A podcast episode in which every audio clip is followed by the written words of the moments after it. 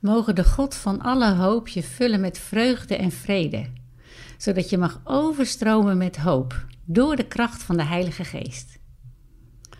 Deze tekst staat in Romeinen 15, vers 13 en het is een hele kernachtige als het gaat om hoe we onze geestelijke wortels diep grond kunnen laten vinden door de bronnen van de Heilige Geest te gebruiken. En hoe doen we dat nou?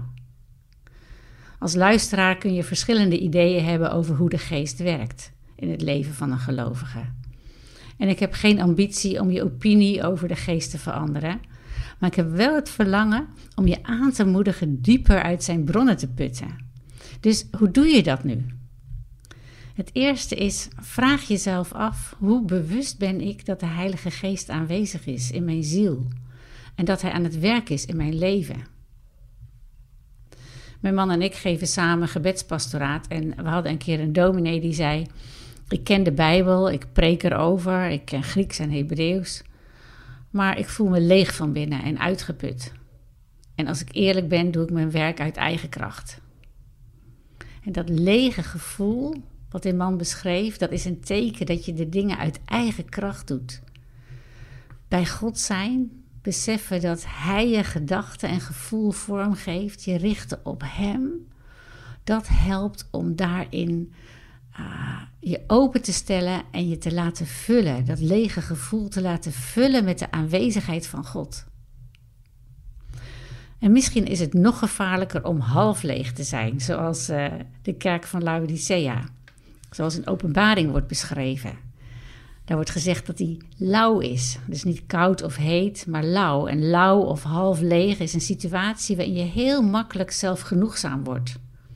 Dan kan je denken, ja, ik leef toch met God. misschien niet optimaal, maar bij vergeleken Jantje of Pietje doe ik het zo slecht nog niet. Dus het is nodig dat we de Vader vragen om de geest om echt helemaal vervuld te worden. Want Jezus zegt, hoe, hoeveel te meer zal de Vader in de hemel de Heilige Geest geven aan hen die hem erom vragen. En echt, het gebeurt zo vaak. Ik zie het in mijn eigen leven en om me heen. Dat we klagen over gebrek aan betrokkenheid. Klagen over gebrek aan vuur, over de kerk na corona. Maar laten we ophouden met klagen over ons gebrek aan. En God vragen om de situatie op te lossen, ons kracht te geven, ons te laten inschakelen. Heer, hier zijn we en we vragen u om uw geest. We kloppen op uw deur, we zoeken u. En we danken u dat uw deur geen barrière is, maar een manier om binnen te komen. Vervul ons tot we overstromen tot we ons realiseren dat we niet zonder u kunnen. Kom, Heilige Geest, doorstroom ons. Hier zijn we, uw geliefde kinderen. Meer van u, Heer, tot uw eer.